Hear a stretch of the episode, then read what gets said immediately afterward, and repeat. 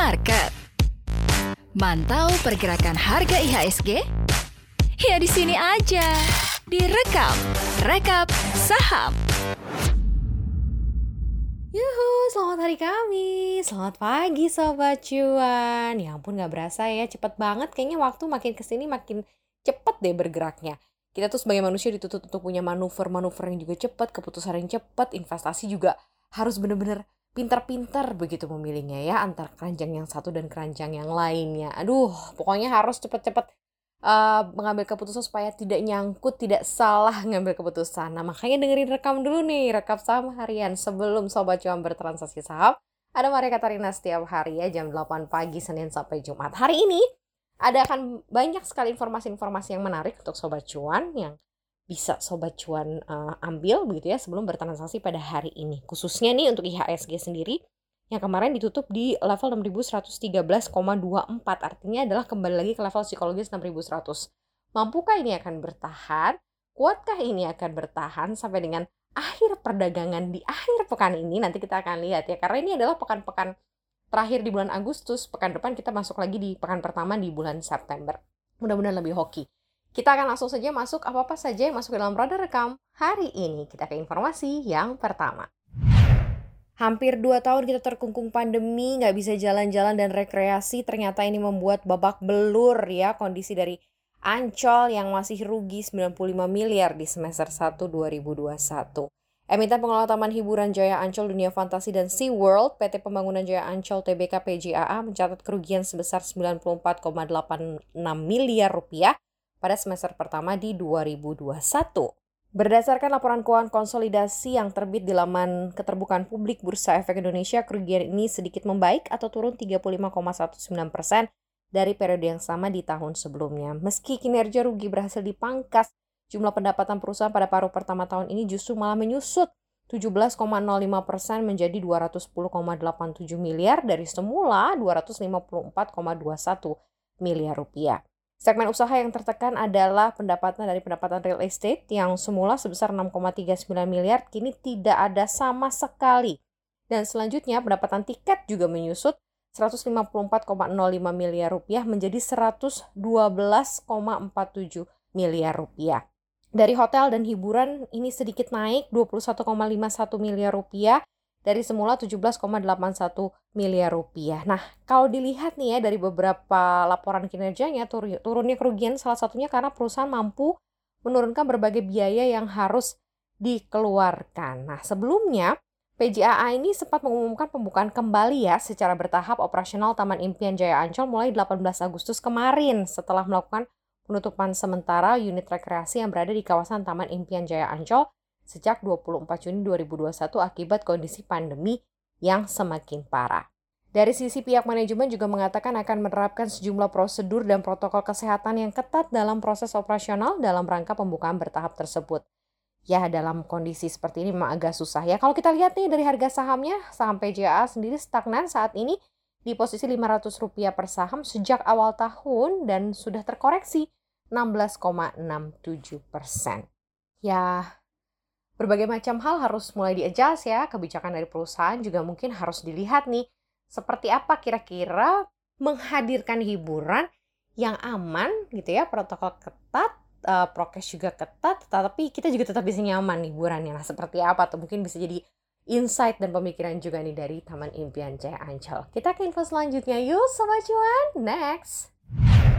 Setelah sempat dicecar otoritas Bursa Efek Indonesia karena belum menyampaikan laporan keuangan tahunan, akhirnya emiten yang didirikan oleh Menteri BUMN Erick Thohir yang bergerak di industri media dan radio PT Mahaka Radio Integra atau MARI menyampaikan laporan keuangan konsolidasi tahun 2020 dan berdasarkan laporan keuangan tersebut sepanjang tahun lalu Mahaka Radio tercatat rugi bersih 44,92 miliar rupiah di mana kinerja tersebut pun juga lebih buruk dari tahun sebelumnya 2019 ya, di mana perusahaan masih mencatatkan laba bersih 34,09 miliar rupiah. Penurunan pendapatan tersebut terjadi hampir di semua segmen bisnis, dari mulai iklan radio, program spot ad libs ya, iklan yang dibacakan oleh penyiar ini juga mengalami penurunan. Tidak hanya itu, beban program dan siaran juga tercatat naik 8,16 miliar rupiah semula dari semula yang hanya 4,36 miliar rupiah. Nah, hingga 30 Juni 2021 mayoritas saham Mari ini masih dipegang oleh perusahaan milik Erick Thohir, yakni PT Beyond Media sebesar 40,35% saham, sedangkan 15,49% saham Mari ada di Mahaka Media TBK dan juga 0,17% dimiliki oleh PT Pratama Prima Utama dan sisanya dipegang oleh masyarakat. Mari kita lihat ya di penutupan perdagangan Rabu kemarin nih ya, saham Mari berakhir naik 1,82 persen di Rp560 per saham dengan nilai transaksi 32 miliar rupiah dan volume perdagangan di 57,28 juta saham. Ya, pendapatan iklan ini satu PR ya, bukan hanya di industri uh, radio aja, TV pun juga sama. Jadi memang lagi banyak sekali efisiensi yang dilakukan oleh perusahaan-perusahaan ini dampaknya ke perusahaan yang lain, terutama di bidang industri hiburan ya, seperti radio dan juga uh, pertelevisian. Kita doakan deh ya, mudah-mudahan segera pulih nih ya, pandemi segera berlalu dan semua keefektivitasan bisnis bisa berdampak pada kinerja. Kita ke info selanjutnya yuk Sobat Cuan. Next. Kalau berita yang satu ini kayaknya akan sedikit mengancam uh, industri pertambangan batu bara kita di tanah air ya. Karena apa? Karena Jerman ini akan mempensiunkan PLTU batubara di 2030. Berarti itu kurang lebih sekitar 9 tahunan lah ya dari sekarang. Dunia saat ini memang tengah berbondong-bondong melakukan transisi ke energi baru terbarukan, di mana penggunaan energi fosil seperti pada pembangkit listrik tenaga uap batubara juga udah mulai ditinggalkan. Dan salah satu negara yang berencana meninggalkan batubara adalah Jerman ya. Jerman menargetkan tidak lagi memakai PLTU batubara pada 2030 mendatang sebagai salah satu upaya menekan emisi karbon. Hal itu juga disampaikan oleh Deputi Direktur Jenderal Kementerian Ekonomi dan Energi Jerman Ulrich Battersbach gitu ya dalam webinar yang diadakan oleh Institute for Essential Service Reform, dia mengatakan bahwa negara-negara G7 ini sudah berkomitmen ya sampai dengan 2030 untuk dekarbonisasi. Dia juga mengatakan bahwa dekarbonisasi juga dilakukan melalui pembangkit listrik tenaga surya. Oleh karena itu menurutnya pemerintah menggencarkan ya penggunaan PLTS. Dan pemerintah juga berencana menghentikan operasional pembangkit listrik tenaga uap berbasis batu bara di 2030 di sisi lain, pihaknya juga akan menggencarkan penggunaan gas. Lebih lanjut nih ya, dia juga mengatakan bahwa pihaknya akan fokus pada efisiensi energi. Jadi mulai terbaca ya pemetaan bisnis, mungkin kalau ada beberapa perusahaan tambang batu bara yang sudah melakukan hilirisasi, ada gasifikasi, melakukan efisiensi energi, dan mulai masuk kepada yang lebih ramah lingkungan, ini bisa jadi pertimbangan Sobat Cuan juga untuk bisa memilih mana-mana yang oke okay dan cocok untuk masa depan. Oke, okay, sekian informasi seperti biasa pagi-pagi dengerin rekam ya. 8, 7, 8 menit sampai 10 menit tambah amunisi, tambah gizi, tambah semangat pastinya. Dan sudah mulai terbayang ya kira-kira akan seperti apa nih yang terjadi di perdagangan atau beberapa saham. Tapi yang jelas thank you banget udah dengerin Maria Katarina cuap-cuap di podcastnya cuap-cuap cuan di rekam, rekap saham harian. Sebelum Sobat Cuan bertransaksi saham, dengerin kita terus ya di Spotify, Apple Podcast, dan juga Google Podcast.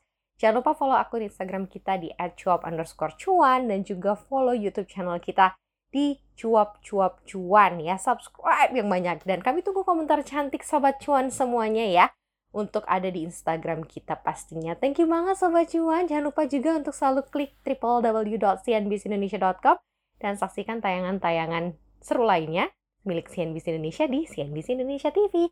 Thank you ya. Terima kasih Sobat Cuan udah dengerin Maria. Sehat-sehat terus ya. Jangan lupa tetap dengan protokol kesehatan yang ketat. Maria Katarina pamit. Kita ketemu besok. Sehat-sehat. All of you all. Bye-bye.